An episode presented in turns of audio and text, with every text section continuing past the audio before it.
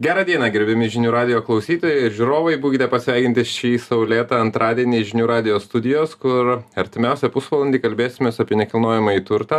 Ir laida tarp keturių sienų, aš Mantas Mikočiūnas, šiandieną gvildensim temą, o kągi daryti, kai namie nutinka nelaimė.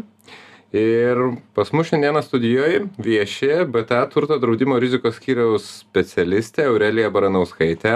Sveiki, Aurelija. Sveiki ir advokatų kontoros nor asocijuotas teisininkas renaldas šileris. Sveiki renaldai. Sveiki. Taigi įvairios draudimų formos populiarėja ne išimtis ir nt sritis ar tai yra žmonių iš principo toks tingėjimo ir apsileidimo e, reikalas, kad jau nesugebam ir nenorim rūpintis, ar tiesiog pažangos rezultatas, kad galbūt e, tai e, keliaujam vis dėlto į vakarus ir vakarietiškas požiūris į turto apsaugą? Taip, tai kaip ir minėjo, tikrai draudimas tampa žmonių įprasta veikla ir žmonės tikrai yra linkę draustis. Ir aš tai laikyčiau, jog tai žmonės samoningėja, mato pavyzdžius, kad tikrai uh, draudimas uh, at, įvykus kažkokiai nelaimiai padeda, uh, netgi ir po šios audros, kuri įvyko nesenai pastebėjome suaktyvėjimą, žmonės tikrai pamatė, kad gali patirti daug nuostolių ir uh, įvertino tai, kad draudimas galėtų padėti tokiu atveju. Tai tikrai žmonės yra linkę dažniau uh, draustis. Bet ar nėra va, taip, kad uh, nutinka kažkas blogo ir tada tik tai sužinai arba supranti, kad galbūt reikėjo apsidrausti būtent tokiu draudimu, kaip vat, numanyti ir kaip, sakykime, praktikoje, čia gal Renaldui klausimas iš praktikos, sakykime, žmonės nukentėję nuo kažkokių tai įvykių, kaip juos galbūt nuspėti arba sužinoti iš anksto, kokiųgi ten tų nelaimingų nutikimų būna ir nutinka. Tai įprastai tos nelaimės susijusios su gamtos reiškiniais, tai su lietum, audrom paminėtom, tai ir dažniausiai tie įvykiai žalą sukeliantis yra e, kažkoks tai vandens užliejimas, gali būti takotas tiek lietaus, tiek tiek nebūtinai lietaus taip pat pasitaikė yra praktikoj atvejų ir kaip varveklis žiemą kažkoks tai nukrenta sužalot kažką gali tai dažniausiai tos rizikos galbūt su tokiais gamtos reiškiniais susijusios yra iš esmės mhm. o vat teisiškai dabar jeigu žiūrint į visą tą nelaimingą atsitikimą nelaimingą atvejį na tarkim nulupo ten audra stogo gabalą. Kaip ir viskas aišku bet galbūt yra dar kažkas pažeista ir vat sako plika akim nesimato ir ir ir ten tarkim šiai dienai atrodo kad tiktai skardos gabalą reikia uždėt bet gal ten visą stogo konstrukciją reikia keist ir kas vat įvertina tai tai įprastai įvertina e, dabar šiuo atveju tikriausiai stogo savininkas įsivertintų atitinkamus kviestų specialistus kurie įvertintų kokio to visgi remonto reikia atstatyti tą pradinę padėtį kuri buvo mhm. žmogui papra pa pačiam paprasčiausiai nu turbūt nepavyktų taip tiksliai įsivertint bet vat čia tada aurelijai klausimas o kaip draudimas žiūri į tai vat sakykim jeigu aš ateinu ir sakau nu man atrodo kad visą stogą reikia keist žinokit čia skardos neužteks pakeist mhm.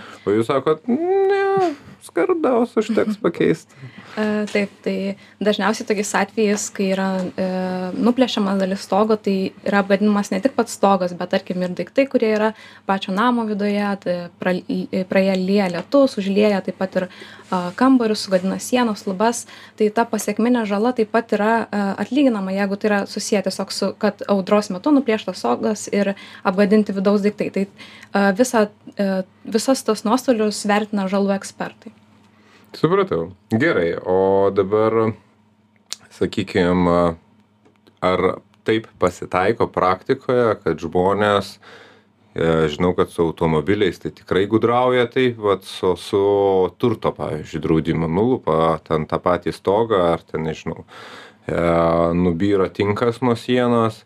Sako draudimui man remontas man reikia remonto paskaičiuoja remontą pats nesiremontuoja arba tenai pašpakliuoja pats savo savo savo sakykim rankom ir ir ir tuos pinigus pasiema a tai taip tai tikriausiai nei vienoj srity mes neišvengsim tų sukčiavimų tai tokių atvejų pasitaiko kai žmonės mėgina apsidrausti ir po įvykus jau įvykiui ir tiesiog mėgina pranešti apie tai kad vat apsidraudžiau ir man įvyko nors iš tikro tie įvykiai įvyko anksčiau. Tai vis tiek mes tiriame to įvykio aplinkybes ir vertiname ar tikrai tas įvykis įvyko taip kaip nurodo a draudėjas. Gerai tai renaldui klausimas dar o praktikoj man teko susidurt yra keli bendrasavininkai turto ir imkim trys tuo atveju konkrečiai buvo. Vienas nori draust turtą kitas kiti du nenori. Kaip tokiu atveju tam būtent vienam bendrasavininkui apsidrausti bent jau savo dalį? Tai iš esmės kaip ir teisingai pastebėjot tų kitų likusių dviejų bendrasavininkų mes niekaip nepriversim apsidrausti. Tai šiuo atveju yra tekę matyt praktikoj atvejų nežinau ar dabar draudimo bendrovės taip sutiktų daryt bet drausdavo visą turtą kas iš esmės daugiau kelia klausimų taip apdraudus turtą negu atsakymų turbūt tai galutiniam mokėt rezultate. turbūt už visą reikia. Mokėt už visą bet atitinkamai įsipareigodavo draudimas ir tuomet ir padengt už visą žalą už visą turtą aš suprantu bet turtas jeigu man kaip bendrasavininkui priklauso tik viena trečiąja tai tai turto Jo. išmoka už sugadinimus kaip pavyzdys dabar aš gausiu turbūt irgi tiktai vieną trečiąją. Jo tai teisingai kaip jūs ir pažymėjot dabar šiuo atveju kadangi jeigu likę bendrasa bendraturčiai nesutinka draustis turto tai jūs galit apsidraust savo vienąją trečiąją ir tuo atveju jeigu patirtų nu nuostolį kaip dabar kalbam kad būtų nuplėštas ten visas stogas ir visiem reikėtų tai draudimas būtent atlygintų tą vieną trečiąją už kurią jūs ir apsidraudėt. Mhm. Supratau tai aurelijai klausimas tai ar taikot tokius draudimus kur galima būtų drausti dalį turto taip yra keli variantai kai yra bendra bendrasavininkiai. Tai gali vienas iš bendrasavininkų drausti visą turtą bendrai visų a sutarimu tiesiog reikėtų apsitarti ir geriausia tai įforminti raštu jog visi sutinka arba a kaip yra pasidalinama finansine a finansiniai klausimai kas atsakingas už tą a draudimo įmokos mokėjimą. Tai žalos atveju jeigu vienas iš bendrasavininkių apdraudžia visą namą mes a daliname išmoką atitinkamai savininkams. Jeigu vienam priklauso viena antroji tai jam ir mokėsime vieną antrąją nebent yra pateikiamas kažkoksai raštiškas prašymas kad visgi išmoka būtų iš mokėta vienam naudos gavėjui. Taip ir yra kitas atvejis kai mes galime drausti tiktai dalį kuri priklauso tam vienam iš bendrasavininkų tai tokiu atveju mes prašom pridėti objekto planą ir jame pažymėti kurią konkrečiai dalį mes visgi čia draudžiame. kai yra naudojimosi tvarka aš taip įsivaizduoju ane? Tai gerai o tai bet jeigu tarkim aš pilnai apdraudžiu sakau tiek to aš aš pilnai apdrausiu visą nes nu ta stogas yra bendras. Tai jeigu bėgs tenai per vieną dalį tai tai nu net nėra tikslo suremontuoti pusę stogo.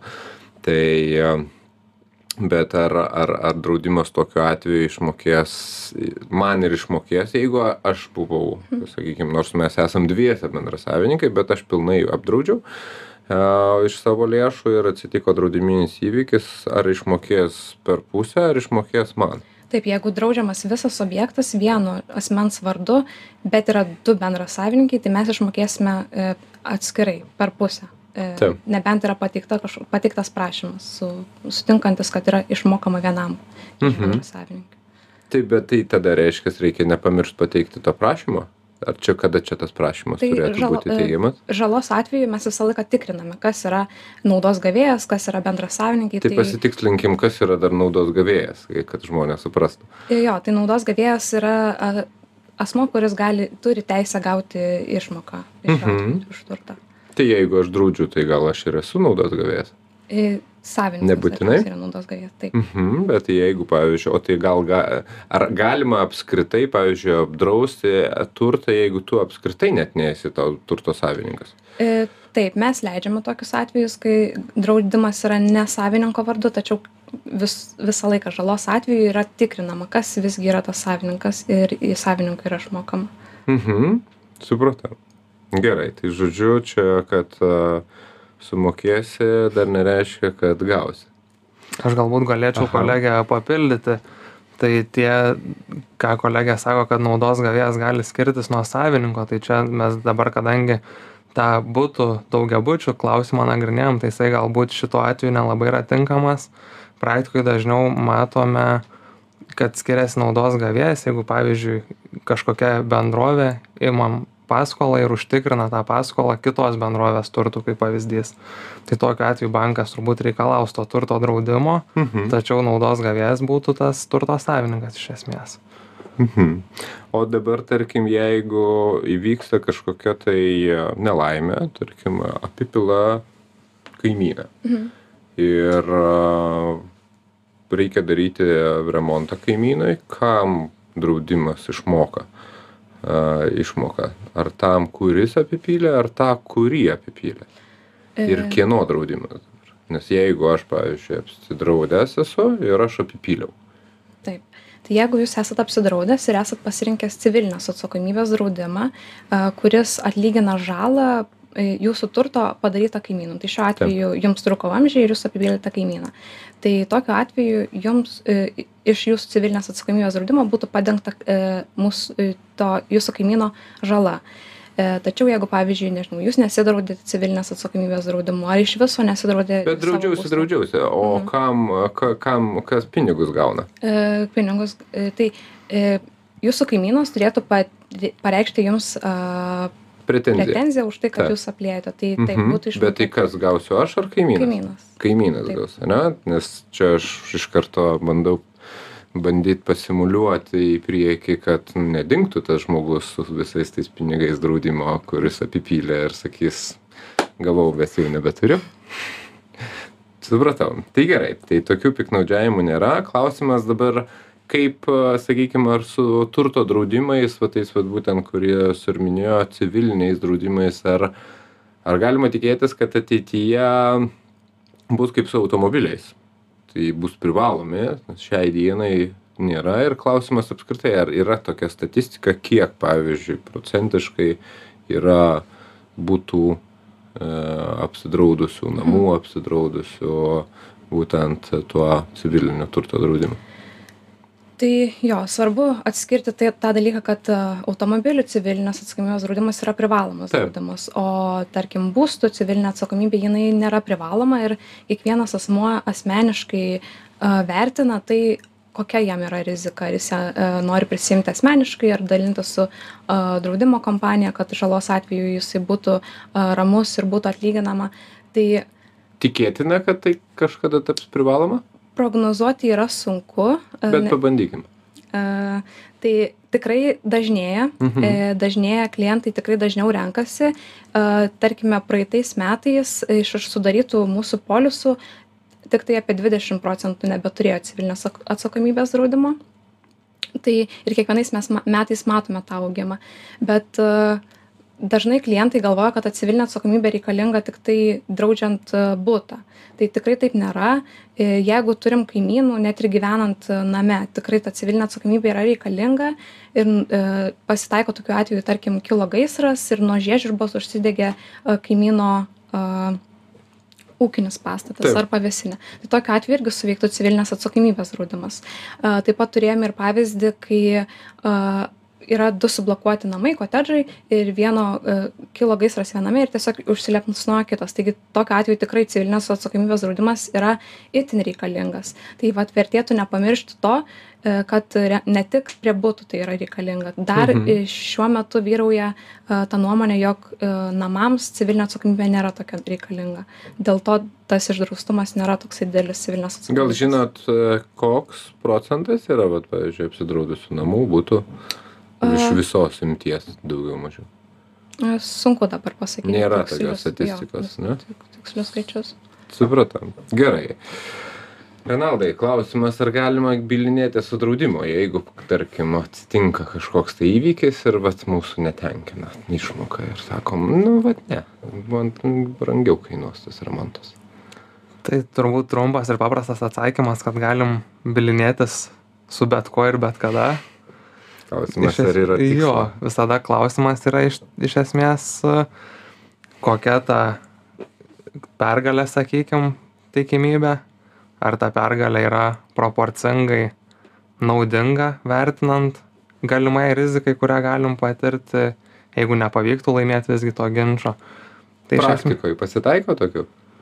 Taip, be abejo, pasitaiko, žinoma, kur ir draudimas laimi, pasitaiko, kur ir vartotojai laimi. Mhm. Supratau. Gerai, pakalbėkime apie praktinius atvejus ir irgi turėjau tokį praktinį susidūrimą, kai e, namas e, atsirado problema name su stogu, žmonės kviečia, kreipiasi į statytoją, sako, naujas namas, ką tik nus, nusipirkom iš jūsų, sako, gerai, mes suremontuosim. Atvažiuoja, ten pasilikonų pateplioja, išvažiuoja. Praeina pusę metų, vėl bėga. Vėl atvažiuoja, ten kažką padaro, išvažiuoja. Kelis kartus tai padarius, vieną kartą paskambinus, sako, ne, brolau, jau penki metai praėjo, baigėsi garantinis terminas, nebevažiuosim. Viskas ir galiausiai tie žmonės jau pasikvietę statybininkus ekspertus nusiardė tą stogą išsiaiškino kad ten yra daug rimtesnė problema ir ten pa pa pa pa pateplioti neužtenka. Klausimas kaip tokiu atveju kaip elgtis ir ką kokie sprendimai galėtų. Taip, tai iš esmės turbūt dažnu atveju draudimas yra ta paprastesnė priemonė kreiptis į draudimą būtų, tačiau va tokiu atveju ką jūs sakot čia dar tik iškart įsiterpsiu. O pačiam draudimui nekyla klausimų kas pusę metų mokėt už tą pačią vietą? Tai mhm, jeigu leisit pratęst tai va kada ir su to tai čia jau kalbame apie tą kapita apie tą remontą kuris yra dėl gamybos broko kažkokio. Tai kiek yra tekę susipažinti su draudimo sutarčių sąlygom tai įprastai kolegė galbūt patvirtins draudimas ne nepadengia būtent gamybinio broko kažkokio. Ir į, į draudimo apimtį sakykime kad nepatenka tai. Tai iš esmės jau jeigu vat yra kažkokie tokie būtent susiję su gamybiniu broku tai jeigu sutarties sąlygos to neapima tai jau tas namo savininkas turėtų kreiptis būtent į tą bendrovę kuri atliko tuos darbus jeigu draudimo sąlygos apimtų tokį atvejį tada būtų galima žinoma kreiptis ir į patį draudimą. Bet tarkim vat konkrečiu šiuo atveju statytojas sako tai ne tai jau čia mum nebepriklauso jau garantinis remontas pasibaigė mes kol buvo tas laikotarpis mes jį čia tvarkėm e, baigėsi jisai ir nebe nebetvarkom viskas. Taip bet matote civilinėj byloj civiliniam įrodinėjime apskritai manau kad turėtų savininkas galimybę bylinėtis tokioj byloj nes jisai turėtų nu manau kad turėtų gana neblogas galimybes pasistengti įrodyt kad visgi tas rangovas nu jisai netinkamai tuos darbus atliko. Ką reikėtų tokiu atveju kviestis? Statybos ekspertus kad jie įvertintų kažkaip surašytų kažkokią tai ataskaitą, kaip praktikoje tai. Taip, taip be, be jokios abejonės, manau, kad visų pirma tai reikėtų nusistatyti iš tikrųjų, kaip pasikviesti ekspertus, specialistus, kurie galėtų nustatyti būtent dėl, dėl ko kyla tam tikros pasiekmes, kas dėl to kaltas, kas netaip yra padaryta. Tai ir tada tas įrodinėjimas palengvėtų pačiam savininkui.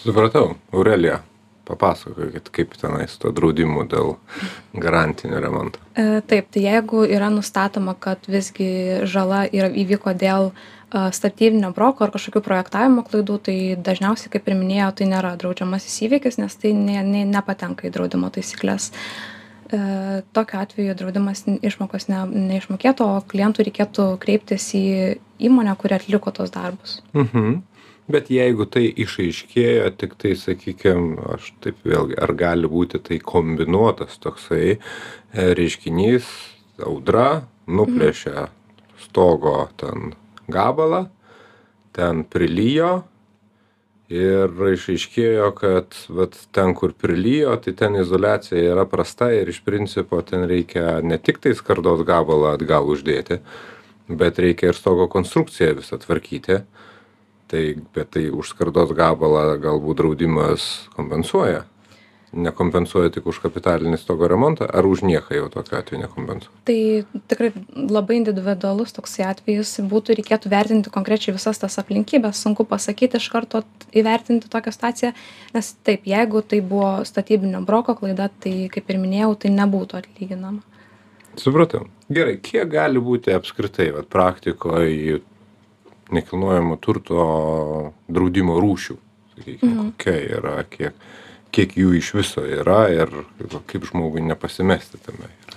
Pačio turto sakykim kaip nekilnojamojo turto kaip daikto yra aš žinau kad nuosavo turto kuris yra pačiame nekilnojamame turte vėlgi ten priklauso darbdavio draudžiamas ar ne nedraudžiamas ten sakykim turtas tai vat kiek kiek kiek čia yra niuansų plonybių ir galbūt jų atrodo tiktai daug bet jų nėra daug. Tai jeigu mes kalbėtume jau apie pastatytą ar ką tik nusipirktą būstą namą ar butą tai bendras draudimas yra būsto draudimas. Dar jis dažnai rinkoje vadinamas gyventojų turto draudimu. Tai jį sudaro kelios tokios šakos. Tai nekilnojamo turto draudimas kai yra draudžiamos sienos lubos ir kiti inžineriniai tinklai kurie priklauso to namo aptarnavimui tuomet e, kita tokia kaip linija yra kilnojamo turto draudimas kaip ir minėjot kai yra draudžiami draudžiama visa buitinė technika baldai visi kiti namui būsto įrengimui skirti daiktai taip ir namų apyvokos daiktai kaž tam tikri. Tuomet jau mūsų aptarta civilinė atsakomybė tai kuri yra susijusi su pačio būsto valdymu tai kaip ir minėjom jeigu tarkim jūsų vamzdžiai trūksta ir aplieja kitą kaimyn kaimyno namą e, kaimyno būstą. E, tokiu atveju galioja civilinės atsakomybės draudimas. Taip pat turime ir asmens civilinės atsakomybės draudimą.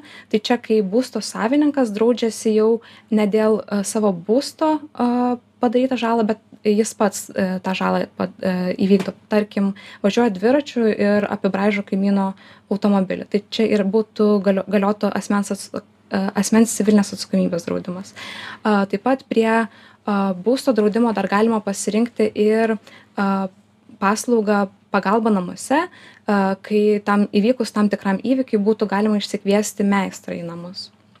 Supratau. Gerai aš matau kad mūsų laikas jau baigėsi tai norėčiau padėkoti šiandien pas mus studijoje viešėjusiai bta turto draudimo ir rizikų skyriaus specialistei aurelijai baranauskaitei. Ačiū aurelija. Ačiū Jums. ir advokatų kontoros noro asocijuotam teisininkui renaldui šileriui. Ačiū renaldai. Ačiū Jums taip pat. o aš mantas mikočiūnas ir laida tarp keturių sienų. Šiandien atsisveikinam susigirdėsim kitą antradienį. Viso geriausio